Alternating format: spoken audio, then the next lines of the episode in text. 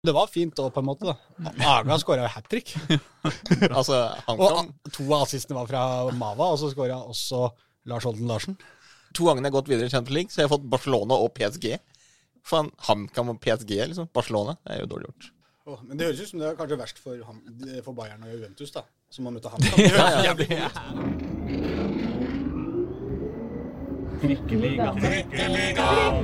ut.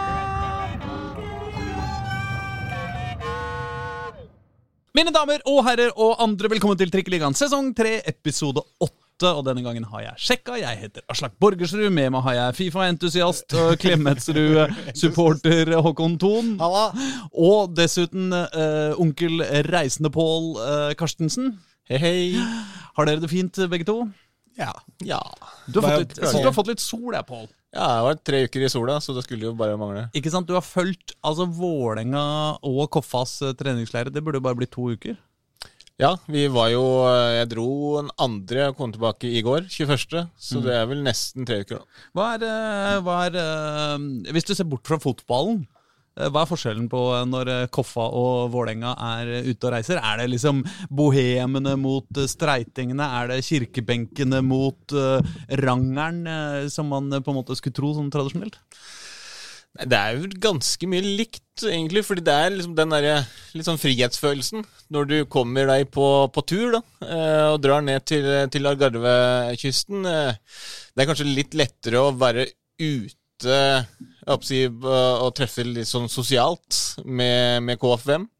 For de er kanskje det er litt mer nedpå enn det, enn det Vålerenga er, som tross alt er et eliteserielag. Hva mener eh, du med, med mer nedpå? Eller sånn? det, det er jo lettere for eksempel, å gå ut og ta en øl og se fotball på, på kvelden. Ja. Det er jo uh, i fall, Det handler jo også selvfølgelig litt om hvem du har kontakt med. En, I hverdagen. Bare stopper jeg på én øl? Ja, Det ble kanskje litt mer enn én øl, da. Det Altså, det, er, enkelte som fikk noen snapper utover. Så. det er jo lite det er mer, som er mer sagnomsust i norsk fotball enn en fotballspilleres uh, ranglende turer til Syden uh, midt på vinteren. Er det så, eh, eh, så ille, er det, eller er dette noe vi må lese? Ille, og- men mener bra? Eller bra? Eh, Eller er det noe vi må, må spare til biografiene til spillerne om 15 år? Jeg tror nok det er eh, Det har blitt en, har blitt en skjerping der også. eh, fordi de tidligere, tidligere tider, når jeg har dratt ned, så har det vært noen spillere som har vært ute og har truffet en del spillere på, på kasino og litt sånt. Mm. Nå er det litt sånn litt mer ordna forhold. eh, at spillerne Altså de, altså de yngre spillerne har liksom lært å oppføre seg, selv om de har blitt litt kjedeligere. Eh, men så er det jo da mer type støtteapparat eh, og litt sånt som, som gjerne går ut og tar seg en eh, øl eller to, mens spillerne stort sett holder seg hjemme. Du har, jo vært, du har vært nede på sånne turer tidligere flere ganger òg. Jeg som sitter i Norge og bare får sånn inntrykk Jeg føler at, det, bare for å oppsummere det fort, før så dro man ned for å ta seg noe øl og trene litt ved siden av. Nå drar man ned for å trene, og så koser man seg litt ved siden av. på en måte. Altså Fokuset er på en måte nå retta mer mot trening enn å liksom skulle ut og bare være sosiale sammen. Selv om det er jo en viktig del av hele pakka, det òg, selvfølgelig, når man er på en eh, tur. Jeg Det er nok, det. Ja, det er, nok, det er nok riktig, det. Og det, det følger litt den profesjonaliseringen som har vært i fotballen ellers også. Mm. At før også så var det litt sånn mer kultur her hjemme også. At liksom, du tok ikke Eller tok jo treningen seriøst, men da var det litt mer avslappa utenfor banen.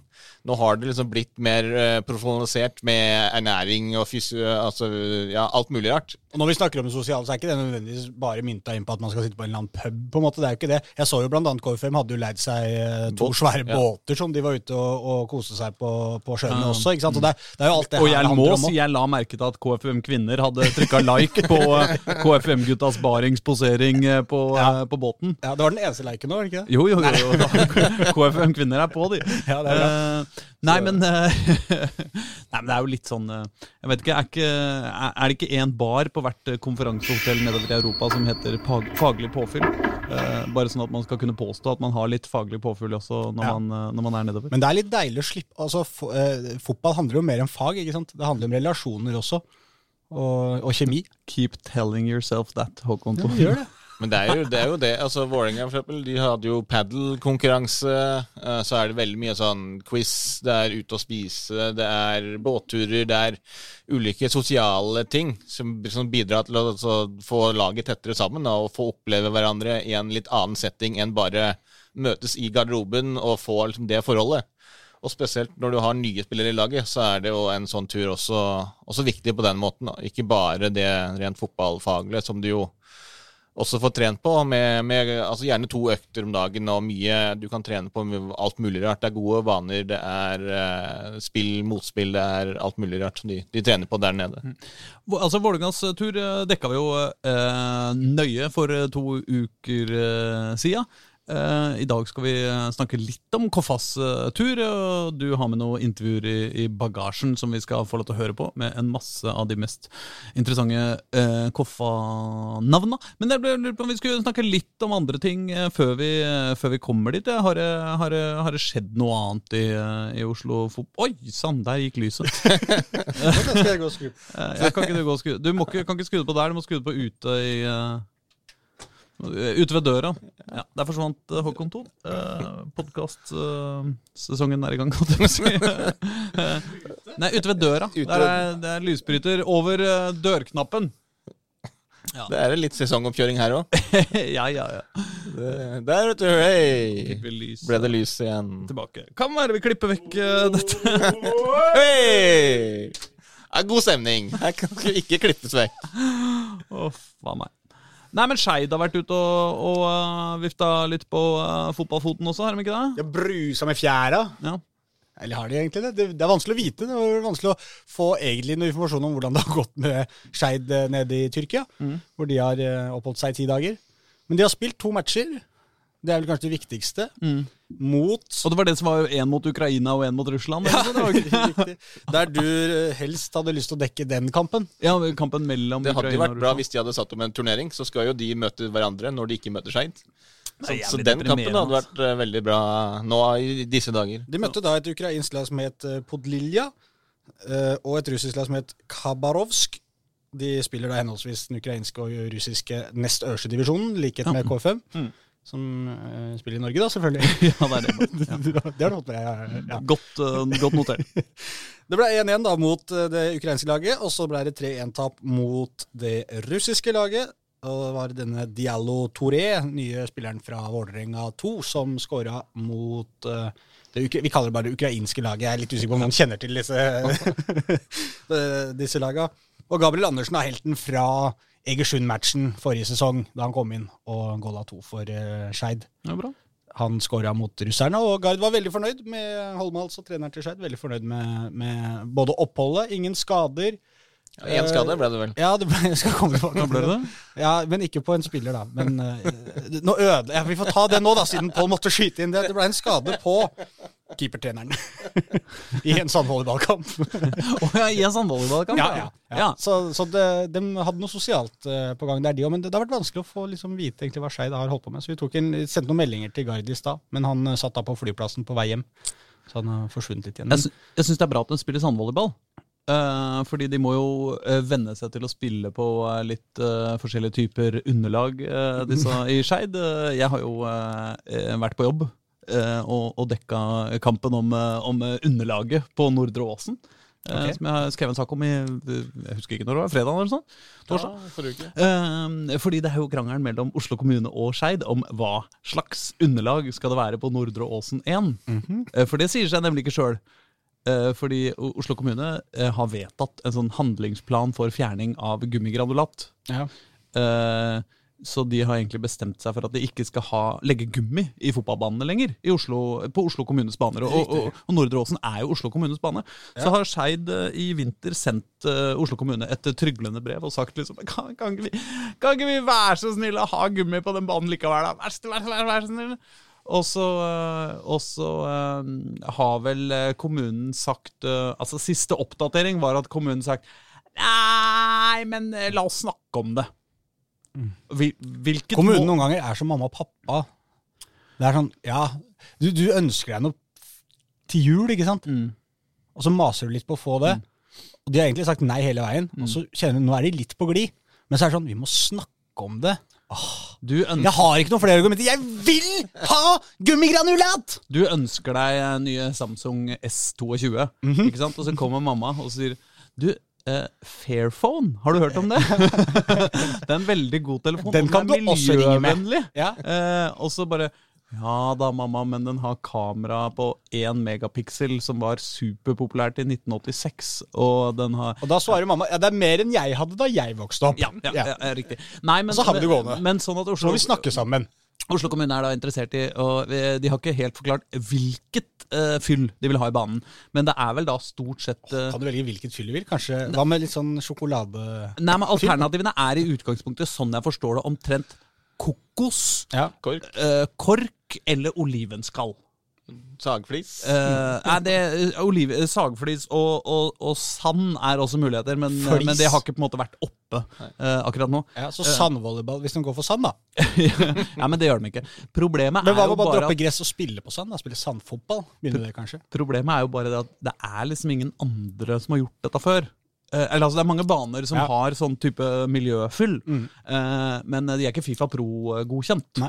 Eh, Det har de jo så- slitt litt med tidligere i historien. Ja, ja. Og, og, så, så spørsmålet er jo da Men Oslo kommune mener jo Oi, beklager. Oslo kommune mener veldig bestemt at de skal få til å lage en bane som blir Fifa Pro-godkjent, men er miljøvennlig. Mhm. Og, eh, og Skeid sier sånn Ja, men det kommer jo ikke til å funke. Eh, Så det blir eh, spennende å se. Men det, du får jo en følelse av at Oslo kommune kommer til å legge et eller annet der som de mener bør godkjennes til å være Fifa Pro eh, eh, bra nok for det. Mm. Noe de mener. Mm. Ikke sant? Som bare, så, langt bør vi ha kommet i 2022 at dette bør de, eh, syns jeg. Uten at, og så er det Skeid som må ta den diskusjonen, sikkert, og prøve å få dette godkjent. Sannsynligvis. det, det kommer jo uansett til å bli noen anbudsrunder, og, og planen er jo å legge det i landslagspausen i sommer. Eh, men eh, jeg mistenker kanskje at vi kommer til å høre mer om uh, fyllmaterialet i Nordre Åsen igjen eh, i månedene framover. Altså Det er jo greit I desember, når liksom den spenningen blir utløst med, med selve banen, Mm. så måtte vi ha litt mer å skrive om i banen. Så det er liksom at det ikke en, ennå er avgjort, det varmer et gammelt eh, hjerte som har skrevet mange saker på om den banen her fra før. Så er det jo også spennende. Det Én ting er jo også hva blir godkjent av eh, Fifa, eh, eller NFF da i praksis, eh, i juni, når den banen er helt nylagt. Så er jo spørsmålet er Ja, men hva med i november, når frosten kommer? Hvordan oppfører olivenkjernene seg da? Eller eh, hvordan eh, Olivenkjernene, var, det- var vel ikke det? Olivenskall, kanskje? Jeg husker ikke. Eller Var det noe var kjerner? Ja, det har, de har Olivenskall henger jo ikke på greip. Det må jo være kjerner. Ja, det var, det var jo Altså, du veit jo han eh, unge, unge Strand er jo, er, har jo the gift of gab, som vi sier. Så han foreslo at de isteden bare skulle spille på Mariekjeks. Ja, men da synes jeg du skulle funnet på noe altså, Han liker å være veldig lokal. og liksom Tors, altså Mariekjeks, er det første jeg tenker på, er ikke Torshov Mariekjeks. Du burde kanskje hatt noe pølse. Pølse, ja. Ja, sånn ja. men altså, på Vålerenga har vi jo kjeksfabrikk. Uh, men det tror jeg kanskje var Gjende-kjeks. Hva kalte du det? Gender. Sier ikke Gjende? Nei, fordi jeg, jeg hørte en gang at, at eh, Jeg lurer på om det er persere som syns akkurat at uh, gendekjeks er veldig morsomt, fordi det, det betyr et eller annet veldig veldig stygt på persisk. Eller Ja, kan det ha vært tyrkisk? Jeg husker ikke. På et eller annet språk, uh, jeg husker ikke hvilket, så betyr gende noe veldig veldig stygt. Ja, når du sier det, det, det føler jeg har hørt det òg. Så, så, så Gende. e- etter at jeg hørte det, så har jeg bare Det er et eller annet du skal legge på foran der, er det ikke? Et eller annet foran Jeg vet ikke. Jeg- La oss ikke gå inn i det. Men hvis eh, noen av lytterne våre er hypp på å opplyse oss om gende uh, sin betydning, eh, Så gjør det. så er uansett den kjeksfabrikken nedlagt for mange mange år siden. og Nå skal de bygge leiligheter, og alt er Kanskje det blir litt sånn etter hvert i framtida at det blir sånn veldig sånn særpreg på fyllet på kunstgressbanene. Altså alle finner liksom si, sånn at I, i Sandefjord for eksempel, så spiller de på sånn marsipan. ja, Eller hvaltenner. Siden, Ja, siden, for du vil ha blod, du, rett Nei, men det, det er hvalfangerbyen, liksom. Jeg veit det var det jeg tenkte på blåhvalmarsipan som de lager der. Oh, sånn, ja. Ja, ja. At de spiller på de. Det høres litt, mer behagelig I. Sogndal kan de spille på størkna, størkna saft, tenkte jeg på. Eller syltetøy. Ja. Ja. Ja, ja. Ja. Dette er gøy å spille. eh, Kongsvinger blir jo for den beste banen. Eh, De får jo rett og slett bare sagflis. Ja. Eh, det Men hva med tømmerbyen. Kan bli grisete. Eller Bergens fiskesuppe Skjenning, borti på Brann stadion. Ja, bacalao. Ja, Det kan bli skikkelig susende taklinger. Men Bacalao, det er Kristiansund, det. eh, Jeg veit ikke da hva Oslo eh, Hva, Nei, det er det, hva det er, hva Øl, kanskje? Ja, Ringnes? Ja, det er rart, altså. Det er rart. Ja, det er litt rart, men det er litt oslosk òg, da, over det. Eh, på Vålerenga var det jo eh, Champagne på, hos Lyn. Ringnes hos Vålerenga. Jøtul ovnstøperi var jo, eh, var jo eh, eh, den store Hva heter det? Eh, be- Hjørnesteinsbedriften på Vålerenga da jeg var liten, eller nede Ja. i Kværndalen. da. Ja. Eh, eh, så det går jo an å jernspon. Jernspon. Ja. Støpejernsspon. Ja. Det blir tungt. Det blir knallharde baner. Ja, jeg skjønner at Aslak har lyst på litt, litt mer blod, rett og slett. Jeg lurer på om vi skal gå videre. Ja.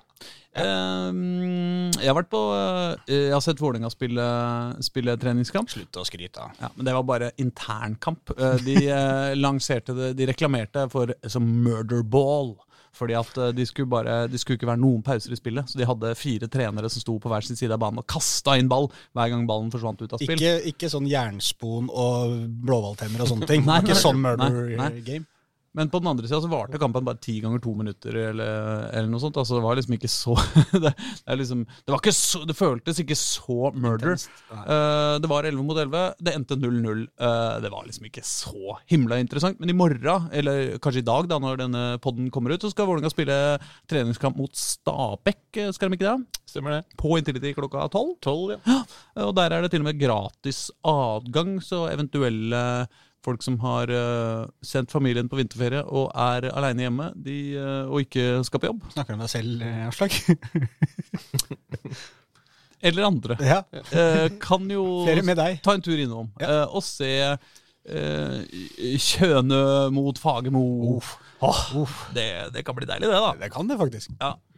Um, nei, men Skal vi dra til Koffa, da? Hvor er det denne treningsleiren har vært igjen, Sarupol? Pål? Marbella. Marbella, vet du. Har spilt på Dame di Noche-banene. Damebane? Da. Dame di Noche heter det. De hadde jo De har to uh, hovedfelt. De har jo den Marbella Football Center, som er selve hovedanlegget. Uh, så for tre-fire år siden så bygde de en nytt uh, treningsanlegg.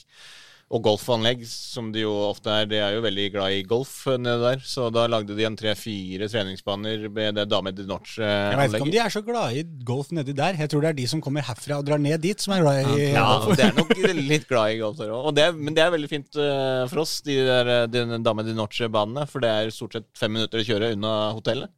Så da er det mye kortere vei til trening. Men de har altså lagd en litt dårligere bane enn de andre og kalt det for damebanen? Nei, banen er bra. Oh, ja, okay. De er bra. like bra. bra, bra, bra. bra. Uh, vi, du har snakka med en, eh, en eh, masse folk, og jeg lurte på om vi skulle begynne med, med brødrene NGE. Ja, det... Uh, Brødrene NGE, Oh, brødrene NGE. kan vi godt Det er uh, Altså, det- der har du gjeng. Men veldig, veldig art- artige folk. Eh, eh, Bilal har jo vært der eh, nå to sesonger. Mm. Mens Momodou, eh, Lion, NGE, så har jeg kommet inn for en årets sesong. Det er fuckings rått navn, ass. Ja, det er fantastisk navn. Momodo Lion. Ja. Lion. Han, det er da onkelen hans som var artist, som het Lion. Å, er det han Roaring Lion? Ja. Nei, er det sant? Han, Han er jo helt rå Calypso-fyr fra, fra et eller annet sted. Ja, altså, han kom til Oslo da, vært her. Men han har skrevet en av de der aller største sånn derre Uh, If you wanna be happy for the rest of your life, eller et eller annet sånt i den uh, Jeg, uh, Det er sånn Bob Marley-aktig, eller?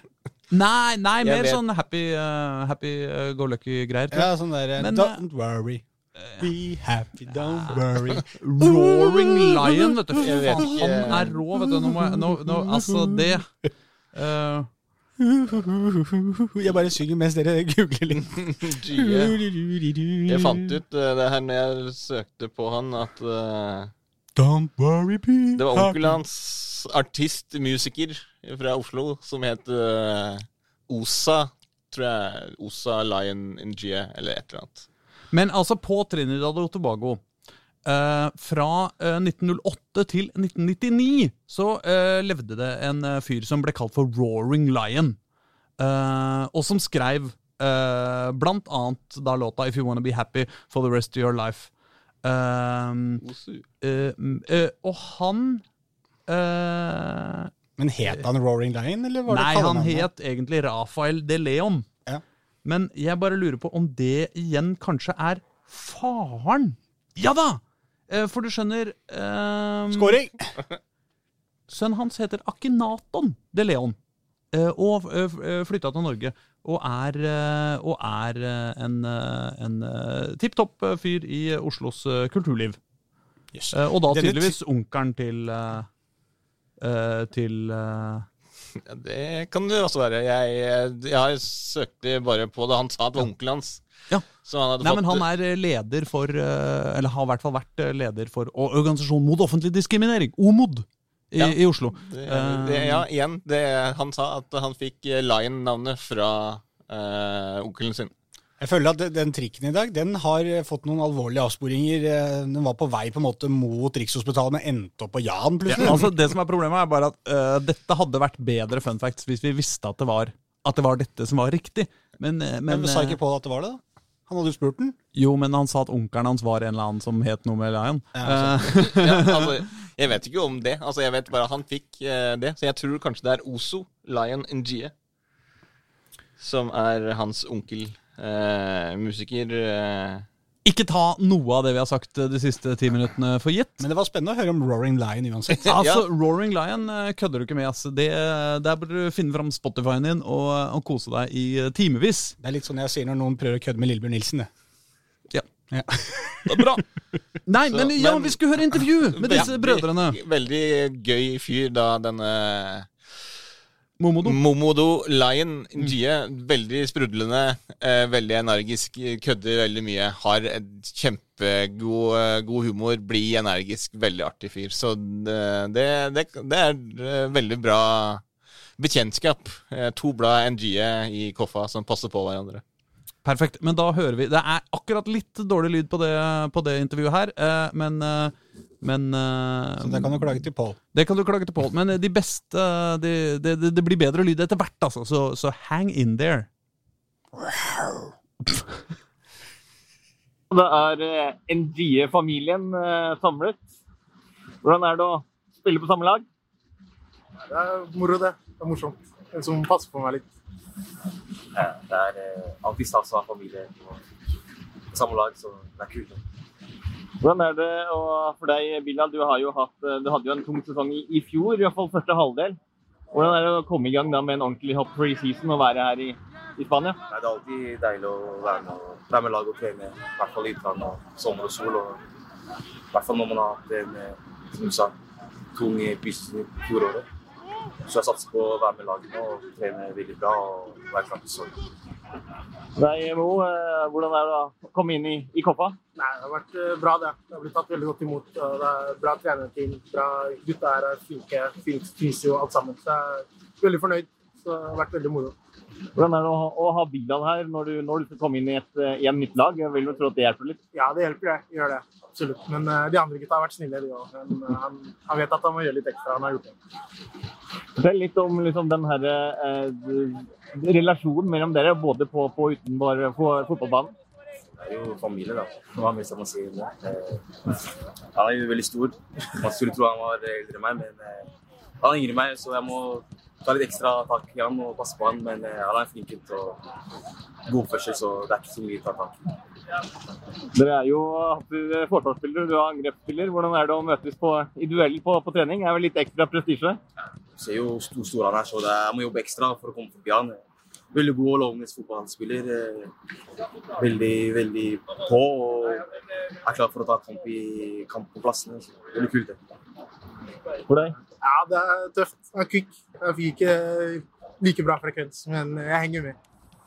Og det er jo, altså Bilal er jo en av de bedre spillerne i uh, Obos-ligaen. Så hvis du greier å stoppe ham på trening, så greier du vel å stoppe de fleste i eh, kamp òg? Nei, det er det er angrepsrekka vi har. Hvis man, eh, vi trener mot dem hver dag. og Hvis man klarer å stoppe dem, så er vi godt rustet for Obos-ligaen. Så det lover godt. Hvordan er det eh, her nå? Dere har jo starta med, med tre seire. Ja. Ikke slippe inn noe, noe mål. Det også må jo gi eh, jeg håper, egentlig begge deler av eh, både angrepsrekka og forsvarsrekka ganske besettelig. Absolutt. Og så skal keeperne ha en eh, god del skryt også. Breite var bra mot Moss og eh, Ødegaard mot eh, Ullern med veldig mange viktige redninger. Så det har vært fint, det. Eh, Veldig viktig. Deilig å holde nullen og bli vant til det. Isnes har prata om å legge inn gode vaner. og Holde nullen er en god vane, vil jeg si. Så har du nå i år to blad NG på, på laget ditt. Fortell litt om, om de. Nei, Bilal fikk vi jo se på sitt beste avslutningsvis i fjor. og så er det forhåpentligvis en mulighet til å holde den skadefri fra start i år. Det tar vi hensyn til i oppkjøringa.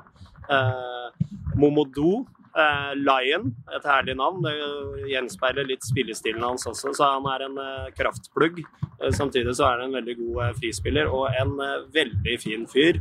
Eh, utrolig utadvendt, reflektert type, og også en ledertype. Så jeg er veldig glad for at vi har to blad, Bilal og Momodou. Hvordan er det å ha liksom familie, familiære relasjoner på, på laget? Oppe, det vet du.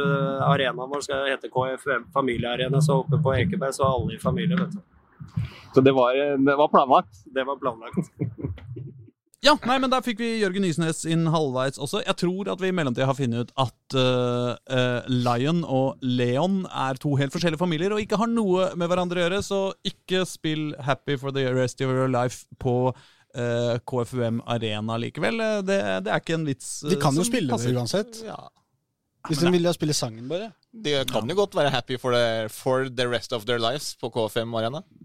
Ja, men uh, husk at andre del av den setninga ikke er så positiv, så det, ikke, det passer seg ikke.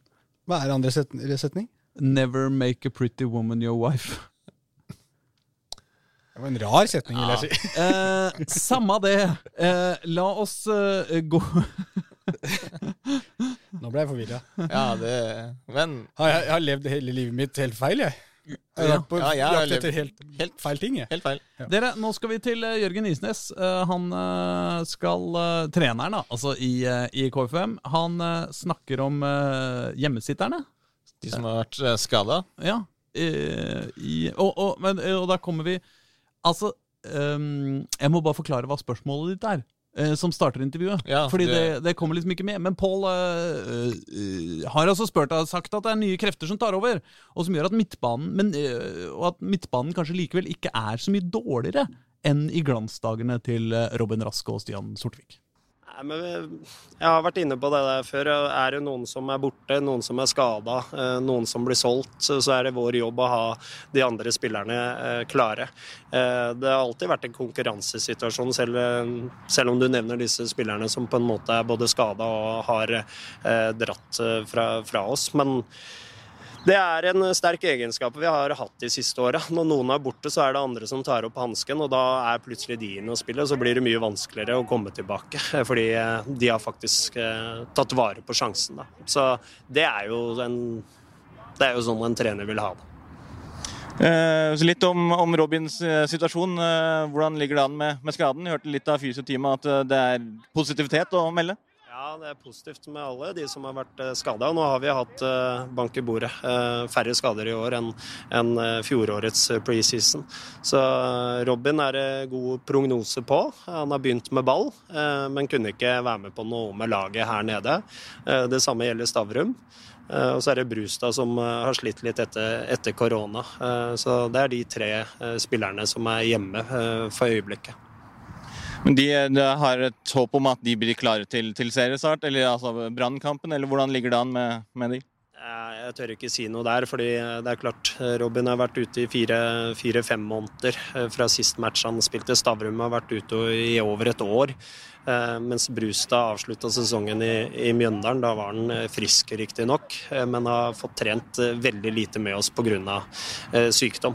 Så det får vi ta som en positiv nyhet inn mot den brannmatchen, hvis så skulle skje. Men de er i hvert fall godt i gang, så vi har troa på at vi kommer til å få brukt dem i 2022. Hvordan er det med en sånn type som Brustad, som dere har henta inn? Håper jo at det her skulle være 15-20 mål, kanskje. Og så har du liksom ennå ikke fått han i gang eh, på, på verken trening eller noe sånt. For det tar jo litt tid kanskje å spille han inn i, i systemet òg vi bruker ikke så veldig mye energi på det. Jeg var inne på det i stad. Da er det noen andre som får lov til å skinne litt. Så eh, det er opp til Brustad hvor bra dette kommer til å bli. Og selvfølgelig også oss i, i trenerteamet. Det skal, vi, det skal, vi, klare å få til. Så er det dere som snakker om 15-20 kasser. Jeg har alltid sagt at eh, så lenge vi har en tropp som kan skåre mål, så er det positivt. For da er vi uforutsigbare. Så vi, vi får se i år. Jeg, Jeg teller sju mål. Ja. Vi har seks ulike målskårere i, i preseason til nå, men vi har flere som kan skåre mål. Eh, og Brustad ble henta for å være én av de. Ja vel, eh, Momo Lion eller eh, noen av de der midtstopperne dine som skal bidra med ti mål i år òg, sånn som Jesper gjorde i fjor? Det er bare positivt, det. Hvis vi kan skåre like mye på dødball, så har vi nesten Ja, vi har skåret halvparten eh, i preseason på dødball, selv uten Toje. Så vi, vi prøver ikke å krisemaksimere at vi mister spillere eller uh, mister skåringer ved at noen går andre steder. Uh, det er tross alt uh, veldig mange gode fotballspillere i Koffa som kan gjøre akkurat det samme. Yes, uh, vi skal videre, vi er på, koffa, på koffatur i Marbella. Uh, beveger oss i retning Jørgen Hammer. Ja, Jørgen Hammer, det er god mann. Uh, Ja. Han Jeg var oppe og tok noen bilder, de der bildene som jeg ligger ute med der han studerer, da. For det er jo å være Der han studerer, Oh, ja, han Ja, studerer, mens jo. han er i Marbella? Ja, han studerte jo da på sånn hotellrommet. Eh, hadde jo eh, masse studiebøker og eget stativ for bøkene, og ja, det var ikke måte på. Men eh, når vi var der oppe, så da skulle jeg For jeg hadde jo tatt intervjuet dagen før, og så har jeg tatt bilder av han. Mm. Og når vi var der oppe og skulle ta bilder av han, så sto jeg og snakka med han i vet ikke, halvannen time Mm. om alt mulig rart mellom himmel og jord. Så han, er, altså, han har virkelig peiling på, altså, på fotball. Han kan sin fotball. Han, han kan, kan det meste han snakker om. Han er altså jusstudent. Ikke mange som, eh, som studerer eh, eh, mastergrad i juss samtidig som du er kaptein på et Obos-lia-lag. Det, det krever sin mann. Samtidig så må jeg si at når det først heter Ha- Hammer, eh, så, så krever det litt eh, Altså, når Hammertime betyr liksom gå og studere litt for seg sjøl på rommet, det er jo litt kjedelig også. Det er litt streberaktig, på en måte. Nei. Det, men i år skal det bli hammertime, da. For i fjor så var han litt ute med skade, operasjon, eh, de hjerteproblemene. Så i år har han følt seg mye bedre. Så det, i år blir det hammertime. Hvordan er liksom stemning i gruppa og eh, forholdene før, før brannkampen, som er første store målet? Nei, jeg må si jeg syns gutta ser uh, freshe ut. Mye energi. eh, veldig mye glede, veldig mye positivt. Så det er, eh, gruppementaliteten er sterk, eh, som er noe av det viktigste. og eh, det er på en måte blitt en ganske stor eh, kompisgjeng alle sammen. Så det er, det er en, eh, en god forutsetning for å på en måte bygge videre. Og så er det som du sier, vi har starta greit. Eh, vi er fornøyd med noe, og så er vi mindre fornøyd med andre ting. Og så jobber vi på en måte suksessivt. Da. Men eh, det viktigste nå er at vi har eh, bra intensitet og bra energi i treninger og alt vi gjør utafor banen og på banen og i, ja, generelt. Så det ser, ser bra ut enn så lenge, og det det er en god start. Så du har jo, I fjor du hadde jo litt hjerteproblemer og var ute med operasjon og, og litt spilte ikke. Hvordan, eh, hvordan føler du deg nå? Nå føler jeg meg veldig bra. Jeg er jo helt, eh, helt eh, kvitt alt av mulige problemer nå, så jeg, ser frem mot en sesong der jeg skal prøve å bidra mest mulig. og og, og suksessivt bare komme meg bedre og bedre i, bedre i form. Um, så, så jeg um, har lyst til å revansjere en litt sånn uh, halvveis Eller ikke en sesong jeg har lyst til å på en måte lyst til å ha. Det er ingen som har lyst til å ha en sånn type sesong, så jeg har lyst til å revansjere det litt. Og så uh, bidra så godt jeg kan. Hvordan var det for deg å, først å oppdage eller få de beskjedene da, om at det er noe jeg, problemer med hjertet, så at du må ta, ta det med ro og en, gjennom en, om en operasjon og, og litt sånt? Det var jo å sette en støkk i deg og få, få en sånn type beskjed? Ja, selvfølgelig, men uh, jeg tenker litt sånn at det som ikke uh, på en måte dreper deg, gjør deg sterkere, da. Og, jeg følte jeg på en måte var, hadde bra mentalitet gjennom det der hele veien. og uh, selvfølgelig, nå er det, det er, jeg er ferdig med det, så det er også deilig. Så kan, det er på en måte noe man bare kan legge bak seg, og jeg har lyst til å legge det bak meg og bare se fremover. Så Eh, men eh, når alt kommer til alt, så er det, jo, er, jo, er det jo bra at det ble funnet, og at det også var noe som eh, gjennom en operasjon kunne bli på en måte kvitt. Eh, så, så sånn sett så er det all good og egentlig bare deilig å bli ferdig med. Og nå, som sagt, da revansjere fjorårssesongen for min del og, og legge grunnlag for en god, god sesong for min del. Da. Og for laget. Du, du er jo en, altså en lederfigur ute på, ut på, på, banen her, både med tanke på, på treningshverdagen og også på, på, selvfølgelig i den rollen som kaptein. Hvilket ansvar føler du at du har liksom, for, for, for, den gruppa her? Og uh, Går du også med en litt sånn trenerspire uh, i, i, magen når du går rundt og kommanderer uh, gutta boys på, på, trening?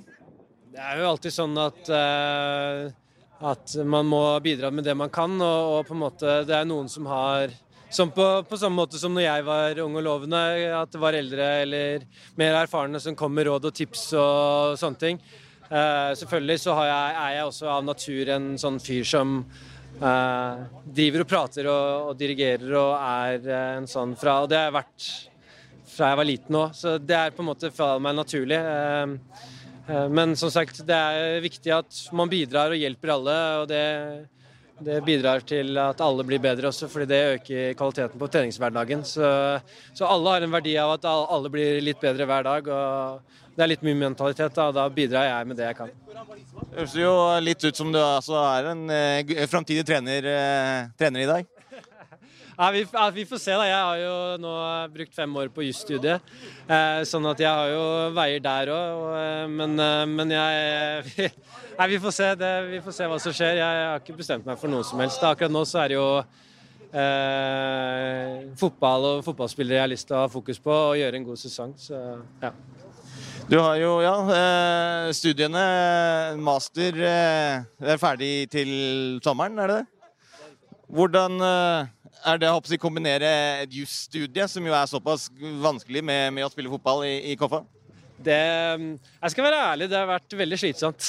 Det, men det er ting som Så lenge man har disiplin og, og god arbeidskapasitet, um, så klarer man å kombinere. Og selvfølgelig så, så har jo Koffa også bidratt uh, med sitt for å uh, legge til rette for at jeg kunne kombinere. Uh, vi har jo hatt en gjensidig en måte, forståelse, og de vet godt hva slags fyr jeg er, og at jeg gjør jobben på en måte uansett. Så jeg sånn at de har på en måte bidratt overfor meg, og jeg har følt meg happy. Men når alt kommer til alt, så er, det, det er klart det er slitsomt. Det er, det er mye jobb og harde dager. Så, men det er sånn det er. Det blir en del eh, lesing her og mellom slagene i, eh, i, i sola i Spania? Ja, det blir jo det. Og jeg, jeg må jo prøve å kapre de timene jeg får. Så jeg Nå er det at jeg, jeg har jo frokost klokka ni, så jeg må jo stå opp en god del før det og prøve å få inn en time før det. litt sånn. Så jeg eh, lister meg rundt på rommet i starten der når Aron ligger og sover. Så det er, det er sånn det er. Det var Jørgen Hammer, det. Eh, og vi, ja, var det vel? Var det det, da? Det var det, det var. Ja, Klager du nå? Syns du jeg har for dårlig diksjon i podkasten her? Kjempefint. Jeg er kjempefint. Det er jeg som er programleder. Jeg, jeg, jeg, jeg, har en mute-knapp på deg, Håkon Thon. Samme det! Vi skal videre i Karstensens uh, studier av uh, KFUM-spillere. um, Herlig. Hvor skal vi nå? Hvor kjører Koffa-toget? Nå kjører Koffa-toget til Moa. Moa Manin. Moa Manin. Også en av de på, på midtbanen der som har tatt eh, virkelig seg, i hvert fall i fjoråret. Etter, for det var jo litt det vi snakka om med de, de hjemmesitterne. Robin Rask sin skade, Stian Sortevik la opp. Det har liksom vært de som har drevet midtbanen til Koffa i flere sesonger. Mm. Men eh, i siste, i fjor, så fikk du en nye. altså Moa Manin, Tore Sørås. I år Simen Hestnes, som de henta fra, fra Skeid, som du skal se opp for. Han har vært veldig god uh, i, i uh, treningskampene og på, på treningen som vi har sett. Så det er litt sånn en, en litt sånn eh, generasjonsskifte på, på, på, gang der. Eh, folk tenkte liksom at uten de to spillerne som, som, har vært så gode for et sånt lag som Koffa er, mm. så får de problemer uten de. Men det er liksom det som er det evige mantraet til, til eh, KFM-trener Jørgen Isnes. Da, at uh, hvis spillere blir skada eller uh, forsvinner, så er det vår, vår, oppgave å sørge for at vi har spillere i bakhånd som kan komme inn og ta de plassene, slik at laget ikke blir skadelidende av det. Mm. Og det, det, har de greid, altså. Eh, både med, med, Moa og med Tore Sørås. Eh, med, det, er, det, er, mange gode midtbanespillere der som, eh, som vi kommer til å se utover årets sesong. Ja. Stavrum er jo der. Stavrum er der. Det, de har uh... Man har jo slitt mye med skader, da, mye av disse unggutta. Ja. Moa er jo ikke en unggutt sånn sett lenger, han er vel snart 30, men, uh, men det er jo no- noen av disse andre her også. Og det er jo greit å ha Det er fint å ha noen eh, veteraner i bakhånd etter hvert også. ikke sant? Du må jo ha noen av de òg når du Du trenger en sånn eh, solid fyr på midtbanen. Og det litt morsomme med Moa er at jeg mener Reidar sa i går at han var en av de spillerne som løp registrerte for mest kilometer. Han hadde er 17,6 km i eh, den ene kampen eh, mot Fredrikstad. Det er så underlig, fordi når du ser Moa Mani spille, så ser det ikke ut som han løper noen ting. Jeg synes han alltid Han sånn, han har sånn tassende stil, på en måte. Så, så, Men- men, men det som jeg det sa til Reidar, kanskje han, kanskje han rett og slett bare Han tasser hele tida. Altså han, han løper bevegelser litt hele tida. Ja, For det er, ikke sånn, det er ikke sånne høyintensitetsløp sånn som, Nei. sånn som Nei. Fagermo og litt sånn gjerne vil ha. ikke sant? Det, det, men han beveger, tydeligvis beveger seg veldig mye, og det, det overraska meg veldig når han sa det. Ja, det er akkurat det han gjør. Fordi det er det de ser på, på de der eh, målingene de gjør. Så er han oppe i veldig få høyhastighetsløp, men han er i konstant bevegelse hele tiden. Så han er liksom, han ser, orienterer, han, altså han følger med, han har blikket på, på det meste. Og så han, eh, ja, så løper han rundt hele tiden og, og dikterer og, og styrer i spillet. På den andre sida, eh, da Pokémon Go var på sitt mest populære, så dukka det opp eh, veldig mye på internett som viste hvordan man kan eh, få sånne GPS-brikker til å tro at man er andre steder enn det man er. Så det kan jo være at uh, bare er den smarteste karen på laget, som sitter seg på, på hotellrommet kanskje han har en, sammen med Jørgen Hammer og, og, eh, og koder eh, Kanskje han har en, eh, kanskje han har en papegøye eller noe sånt som han setter den GPS-greia på, så flyr den rundt omkring, og så spiller han rolig Det, det er vanskeligere du har alle fugler. Ja, det er, Det er vel vanskeligere å få det til under kamp. Fordi da er du jo tross alt på banen. Men det kan hende at hvis det, altså all, den trippinga gjør at ting blir helt dobbelt.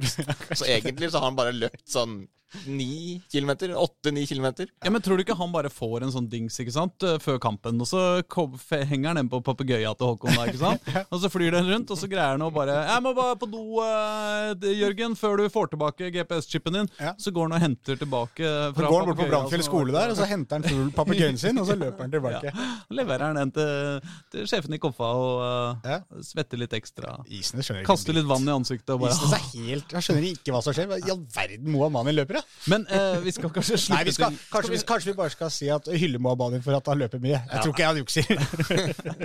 Ja, veldig ålreit, redelig, veldig kar. Ja, fin fyr. Ja, jeg er helt enig. Moa Manin, du er på plass her på solkysten. Hvordan syns du det er? Ja, det er veldig bra. Det er godt å komme hit og få komme i gang. Hvordan har det vært i de her eh, årene? Du har jo spilt litt eh, Altså, du har egentlig spilt i alle klubbene i, i Oslo, nesten. Uh, nå har du kommet til, eh, til Koffa, og i, i virkelig fjor så fikk du liksom et, et ordentlig gjennombrudd igjen i, i Koffa i, i første divisjon. Hvordan vil du beskrive den utviklingen som, som du har hatt her? Nei, det var veldig gøy. Og man får tillit, og man føler at man uh, gjør det bra. Så ja, det er veldig kult.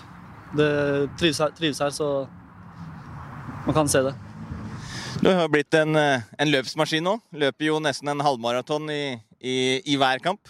Hvordan Er det liksom, er det noe du eh, går inn for? Er det noe du har trent for? Den utholdenheten, er det noe som kjennetegner deg som, som HV-spiller? Ja, egentlig. Jeg har jo vært en eh, Jeg har spilt midtbane hele livet, så jeg har vært en eh, løpsmaskin. Eh, Men de kampene som var i fjor, var jo veldig viktige, så det var ekstra motivasjon og i, i mye, da. Så ja, det var bra. Så har det jo eh, De siste par årene så har det liksom vært Robin Rask og Stian Sortevik som liksom har drevet midtbanen til, eh, til Koffa. I fjor så var jo Robin skada, og Stian eh, la jo opp mot slutten. Så er det du som tok over den stafettpinnen for de. Ja, det er jo noen som må ta ansvar, og vi er veldig mange gode spillere her. Så det var ikke noe tvil om at det skulle gå bra. Så har du jo eh, eh, Fortell litt om den bakgrunnen med, med både Bærum, litt i, i, Skeid, en del i, i Oslo-fotballen. Eh, Du liker deg jo i, i Oslo? Jeg trives veldig godt i Oslo. eh, Men nei, det har vært en lang reise for meg. Mye, mye vært en del i Skeid. Grorud. Bærum var jeg et og et halvt år, tror jeg. Så nei, jeg trives i Oslo. Så det, det er bra. Når du var i Grorud, så var det vel også flere var jo prøvespill i Molde, annet. Solskjær var vel interessert, og Fagermo har eh, også vært viss interesse for deg. Hvordan, eh, hvordan har det vært? Nei, Det har vært veldig kult. Det er jo det som er gøy med fotball, når man blir lagt merke til. Så når man spiller på et lag som gjør det bra, og da blir man god automatisk, da, holdt jeg på å si. Selvfølgelig.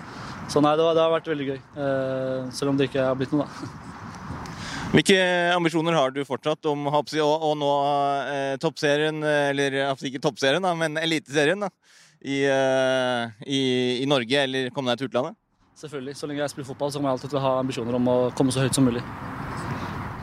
Hvordan har det, altså Ser du på at du har vært i, i Grorud, eh, Skeid og Koffa, og alle de tre møtes nå i, i Obos-ligaen denne sesongen. her. Hvordan blir det for deg? Nei, Det blir veldig gøy. Det er alltid gøy med Oslo-derby i Obos-ligaen. Så jeg gleder meg veldig til det. Hvilke minner sitter du igjen med både fra, fra Nordre Åsen og, og Grorud? Nei, Det er egentlig bare gode minner. Eh, fotball er gøy, så mm. Nå er det, det her i sola. Det, det, det, skal litt, det er litt sånn båttur og litt happenings utenom eh, fotballen. Hva, hva, hva venter for KFA-spillerne? Nei, du, jeg har ikke peiling, men eh, det blir veldig gøy. Eh, Vi, tre, vi trenger det. Vi eh, har vært koronadritt nå i en god stund. Så vi trenger å ha det litt gøy og komme oss litt ut og få litt D-vitaminer. Moa Manin, hva kan du si om den utviklinga han har hatt i, i KFA? Eh, Fantastisk. og Jeg øh, skal ikke passe på så man ikke bruker ordet eh, fantastisk. man kan ikke bruke det for ofte. Men eh, Moa er en ballspiller. Det visste vi når vi henta han. Han er en futsalspiller som er god også på store flater. Når han får brukt de store flatene på riktig måte, så, så skinner han ordentlig. Men det er først og fremst den fysiske formen hans som har også blitt mye, mye bedre de to siste åra. Så han ser smashing ut. Ja, Den fysiske formen. Han løpte jo en halvmaraton nesten i hver eneste kamp i, i fjor. Hvor viktig er det for dere å ha en sånn spiller som en løpsmaskin på midtbanen her, som kan styre og diktere litt? Det er mange som sier at eh, Moa kanskje ikke er det, men eh, mer Tore Sørås og Remi Svinland og sånn. Men eh, vi, følger jo med på tall og sånn, så Moa er ikke så veldig mye oppe i sprinter. Men han legger ned et veldig godt arbeid i, i kampene sine. Samtidig så er han en såpass god ballspiller, så den kombinasjonen der gjør jo at han er, er en viktig brikke for oss, eh, som flere. Det var gøy. Reidar sa jo det. At vi hadde ikke eh, jeg, bare, jeg har aldri hørt sett noe intervju med Moa Manin før. Jeg. Mm. Og det er sånn, «Nei, jeg hadde et lag intervju med han da han gikk til Koffa, da. Ja, og det verste er at Å ja, ja, hadde det. eh, vår mann Per Erik Mm. hadde jo et langt intervju med han i desember. Ja. Så det Men han har vi liksom- aldri hørt noe fra. Så det er liksom, når jeg skulle da gjøre research, for han sa det til meg òg, nemlig, Ja, ja. når jeg var der, at kan du få til et intervju med Moa Mani. Han har jeg aldri hørt noe. Ja. Og så bare Ja, ja, det er greit, det, liksom. Og så sjekka jeg jo det. Og så bare sånn Den siste vi har skrevet eller, masse om i Koffa, Moa Ja. Det var Moamanin, eh, det. Eh, Nå skal vi, eh, nå skal vi ta en, et oppsamlingsheat til slutt, med hele gjengen av, av de unge, unge lovende KFUM-gutta. Vi, vi får inn Noah. Noah Jacobsen. Noah Jacobsen. Christian Solberg Årstad. Martin Geivan. Gavei. Gavei, unnskyld. Jonathan Vård Ådlandsvik. Aksel Potur. Peter Petter Nåsa. Sverre Sandal. Og så kommer jaggu eh, Isnes.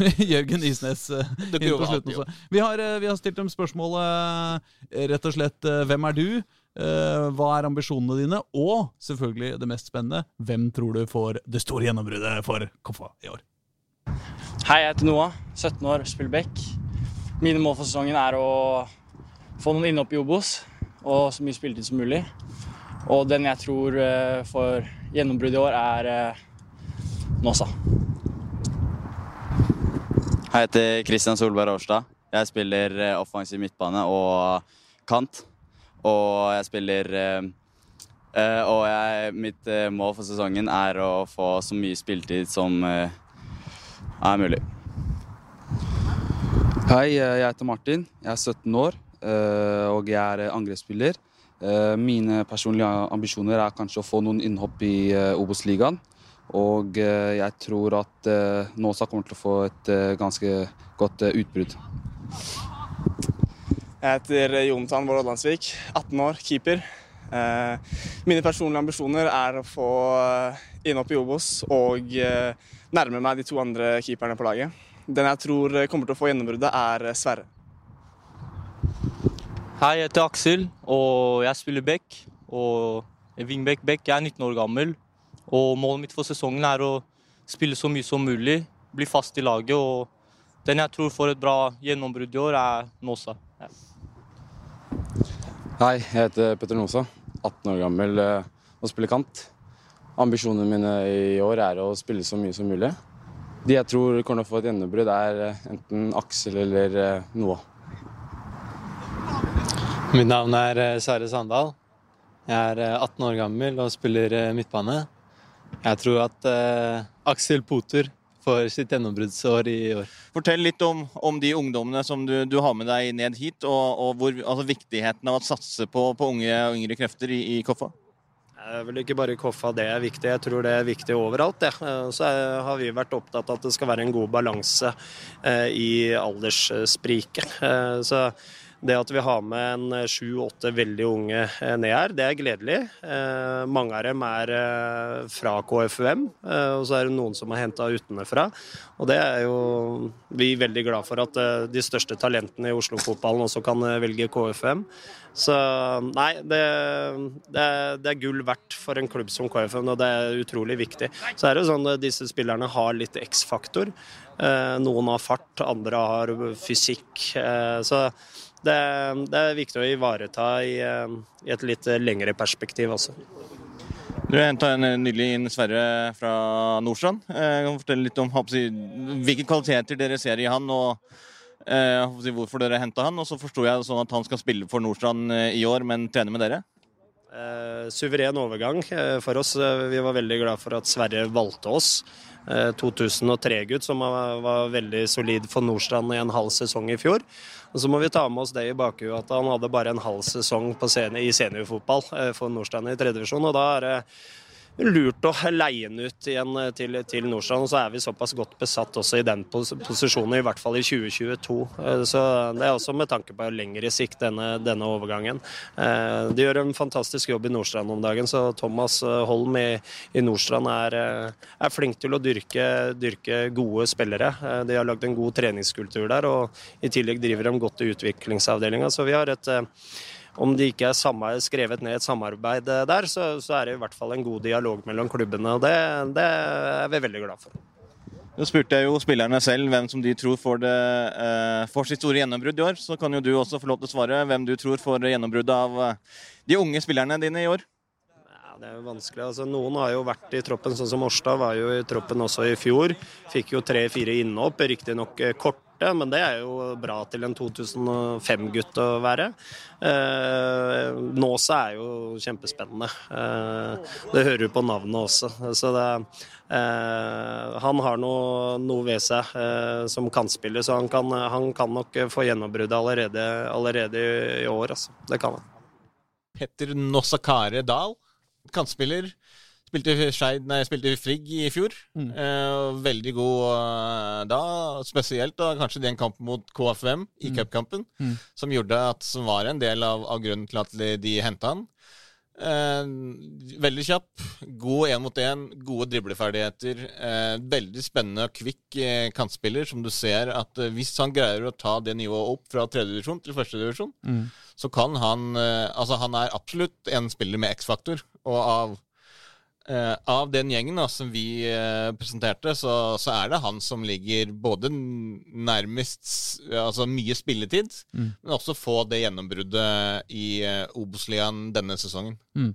Så han, jeg òg har, har troa på han. Vi, vi så han en del kamper for Frigg i fjor. Mm. Da var han veldig god på topp der, men det er jo selvfølgelig Det er jo annerledes Altså forsvarsspillet i tredje divisjon det er jo, Du møter et høyere nivå da, i første divisjon, så, så det blir jo spennende å se om han greier å ta det steget. Men gjør han det, så absolutt veldig spennende spiller. Målskårertype, er eller? eh, Jeg bare kom på han spissen til Skeid som vi snakker om alltid, som alltid gjør det så bra i tredje divisjon, men som ikke har fått det til på noe høyere nivå. Eh, Kaba.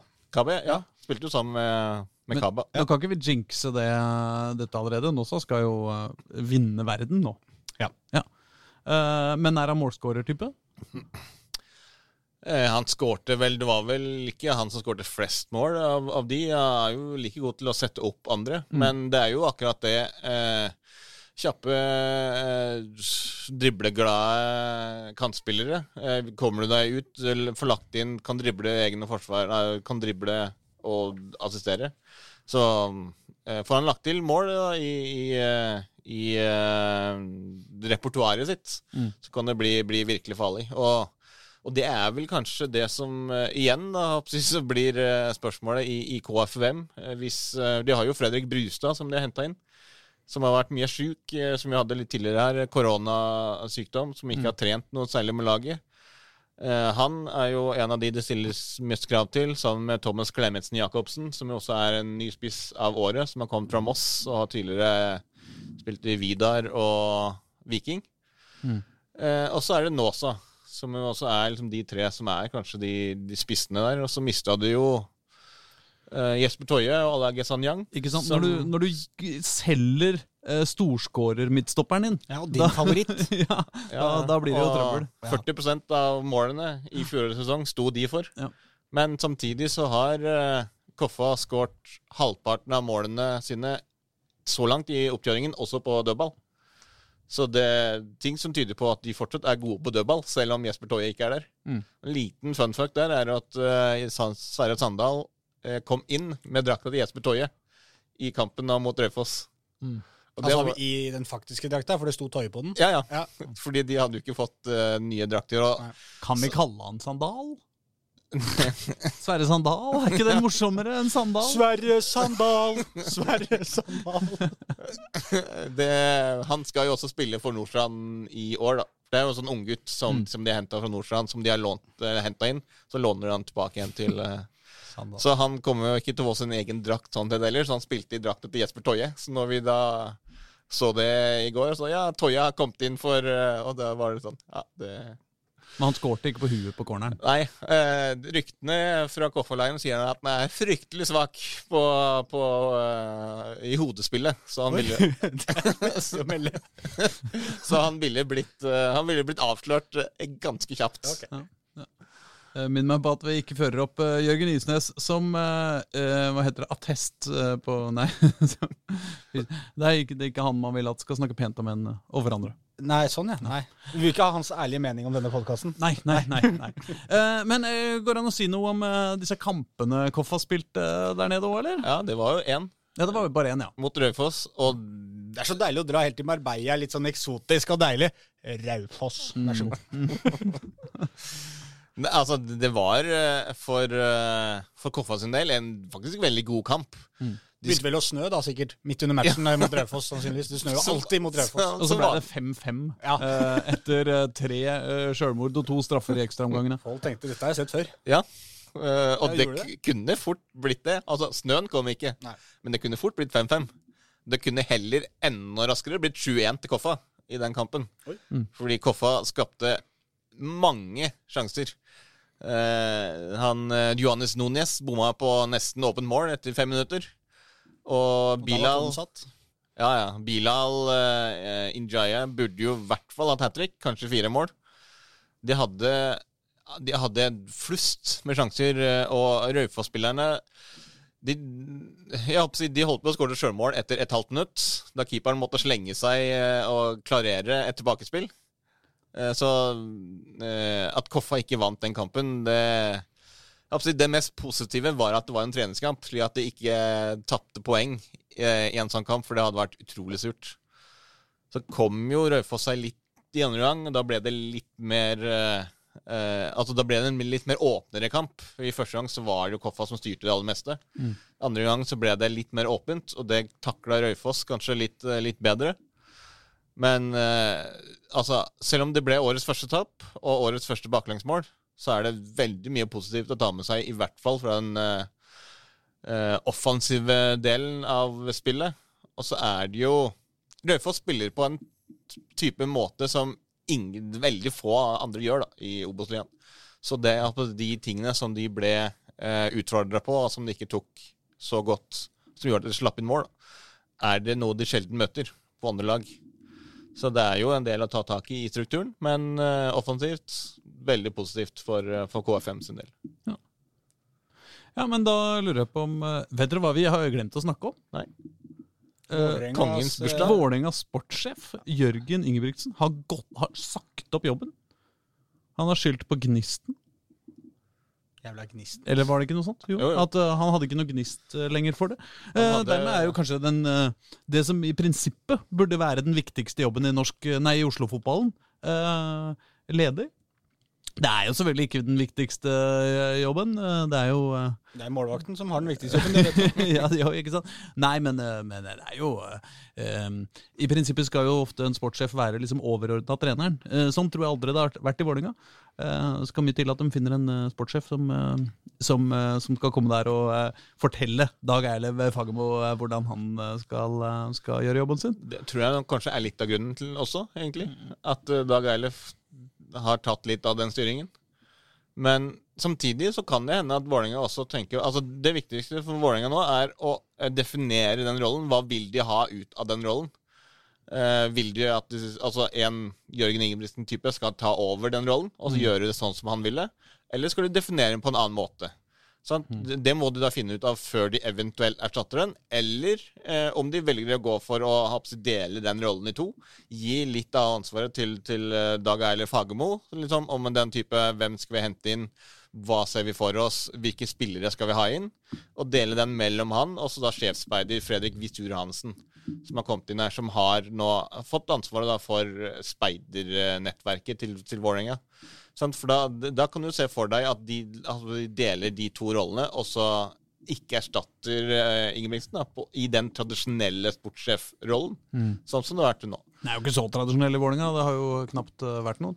Nei, nei, Eh, men det er jo liksom altså den, Det er akkurat det, da. De har jo ikke hatt det tidligere. Mm. Men sånn, skal vi da gå videre med det sånn som det er nå, eller skal vi omorganisere og gjøre det på andre måter? Det store spørsmålet vil jo åpenbart være på inntil framover eh, altså Blir det Pål, Håkon eller Aslak eh, som blir første innstilt til, til jobben? Og en på trikkeligaen.no stem. Ja, ja, ja. Jeg syns jo du ga inn en, en god søknad nå, eh, Pål. Hva, hva, er dine argumenter for at du skal få jobben? Mitt innsalg er jo at uh altså Som de fleste andre som jobber i Vålerenga, så har jeg ikke noe hjerte for klubben. Nei. Ikke sant? Så jeg, jeg kunne gått inn der helt kynisk og bare gjort det beste. Ja, ikke sånn, ja. brydd meg om følelser, men hadde jeg vært Mm. Vålerenga-supporter, Mm. så ville jeg hatt inn et menneske som hadde et stort hjerte for klubben. Ja, sånn, ja. Dette snakka vi om i går, eh, litt grann, Aslak. Og jeg mener jo da at det jeg gjerne ville hatt i en sånn sportssjef, Mm. måtte vært en som eh, hadde et, eh, så for seg et langt perspektiv her, Mm. og har lyst til å være der lenge, og lyst til å bygge opp noe rundt Vålerenga med en visjon om hva Vålerenga skal være, og hvem det er for, og alle disse tinga her. Mm. Nå veit jeg at en sportssjef først og fremst handler om å bygge et best sportslig produkt, men det har en del med identiteten til klubben å gjøre, det også. Mm. Ja, og da, da slipper jo jeg å legge inn en søknad, for nå har du allerede lagt inn en søknad for meg også. Mm. Ja. Hva er det? Eh, Var det nei, det siste jeg sa? Ja, det der med hjertet for klubben og sånn. Ja. Jeg, jeg tenker at det, det må holde. Jeg, jeg har skrevet flere sanger. eh, Flere vakre sanger om Vålerenga. Hvem andre andre søker. Hva er det første du ville gjort når du fikk eh, nøkkelen til eh, sports, øh, sportssjefstolen? Øh, nei, jeg ville nok godt gått og trekke den spaken på stolen til Dag Eilev Fagermo. Uh, den som senker stolen hans. Uh, 15-20 cm. og så ville jeg, ja, jeg ville, jeg ville pranka Dag Eilev mye, tror jeg. Ja, plaga han mest mulig. Ja, ok, ja. Øh, samme- ja, For da tror du at han vil være skjerpa på en måte hele tida? Ja, ja, ja. Du, han må hele tiden være opptatt av at Aslak kan dukke opp når som helst, hvor som helst. Ikke sant? Altså, Ja. altså, du vet, Når man smører lim på, på stolen hans på, på benken, Mhm. så når han plutselig reiser seg opp rasende etter en eller annen, og så plutselig Rich sier det, og så står han der i bare undertøyet. Ja, I beste da, fall. Og da, hva skjer da? På tribunen? Da er det jo stormende jubel, ikke sant? Ikke sant? Du Skaper positivitet og Ja, ja, rumpa til Ja. eh, Eilev. Det er kjempehyggelig. Rumpa til Eilev, ja. Nei, så det er bare å ringe uh, SPZ. Men har vi, noen, har, vi noen, har vi noen reelle kandidater, ja? Hæ? Hva mener du? Nei, men noen andre kandidater, mente jeg å si. Ja, sånn, ja. Nei. Nei, det er jo mye folk i, eh, i, eh, i klubben eh, som har greie på det allerede. Eh, mitt beste forslag er assistenttreneren til damelaget, Steinar Pedersen. Ja. Som er ganske ny. eh, Altså, tross alt, når du har det, er- jeg tror det er den eneste mannen i hele Vålerenga-systemet som har vunnet Champions League. Ja, det, det skal jo litt til, da. Å ha Champions League-vinnere, mener jeg. Ja, ja. ja. De, de, de får bare se, se om de finner noen som vunnet. Det kunne vært noe, kanskje. Han er jo ikke fra Oslo. Nei, nei, det er sant. Nei, kanskje ikke. Jeg veit ikke. Nei. Jeg, eh, jeg eh, regner med at eh, hvis de kommer med en jeg har hørt om, så er det et dårlig tegn. Hvis de kommer med en jeg ikke har hørt om, bra tegn. Med mindre det er Jørgen Grydland, kanskje. Ja, ja, ja, altså Nei, men jeg tror at på daglig lederjobben, hvis den blir ledig eh, Da. en dag, da, da må de se seg rundt i Oslo-fotballen. For der er det mye moro å hente. For det er nesten mer det jeg snakka, når jeg snakka i stad om, så er det kanskje mer i retning av hva en dagligleder på en måte, Hva jeg ser for meg en dagligleder i Vålerenga på en måte skulle vært. Men det er jo på en måte et samarbeid, altså det er et samarbeid alt det der, både trener, sportssjef, daglig leder. Det er jo miksen av alle de tre her som på en måte skaper Vålerenga. Nei, det er ikke de miksen av de tre som skaper Vålerenga. Jo, det er jo de som står bak hvor, hvilken retning Det er klubben skal gå. kulturen, det er Sotahjørnet, det er kjerka som brant, det er Hjallis, holdt jeg på å si. Ja, men hvis du har- Tippen men hvis du har tre- Bruno og Det, har Ja, det er gamle selv. spillere, Aslak. Ja, men det har ikke så mye med den sportslige utviklingen framover tid. Jeg skjønner at det er det, det, det, er det som får blod, hjertet ditt til å bruse, men du må jo snakke om Tollos Nation!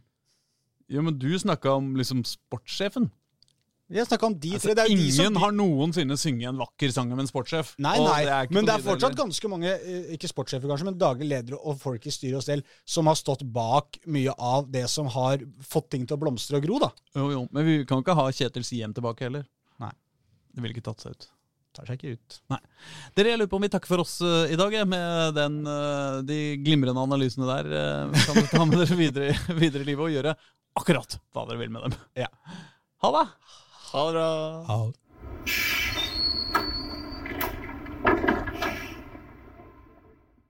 Du har hørt en podkast fra Dagsavisen. Ansvarlig redaktør heter Andreas Heen Haaland Karlsen.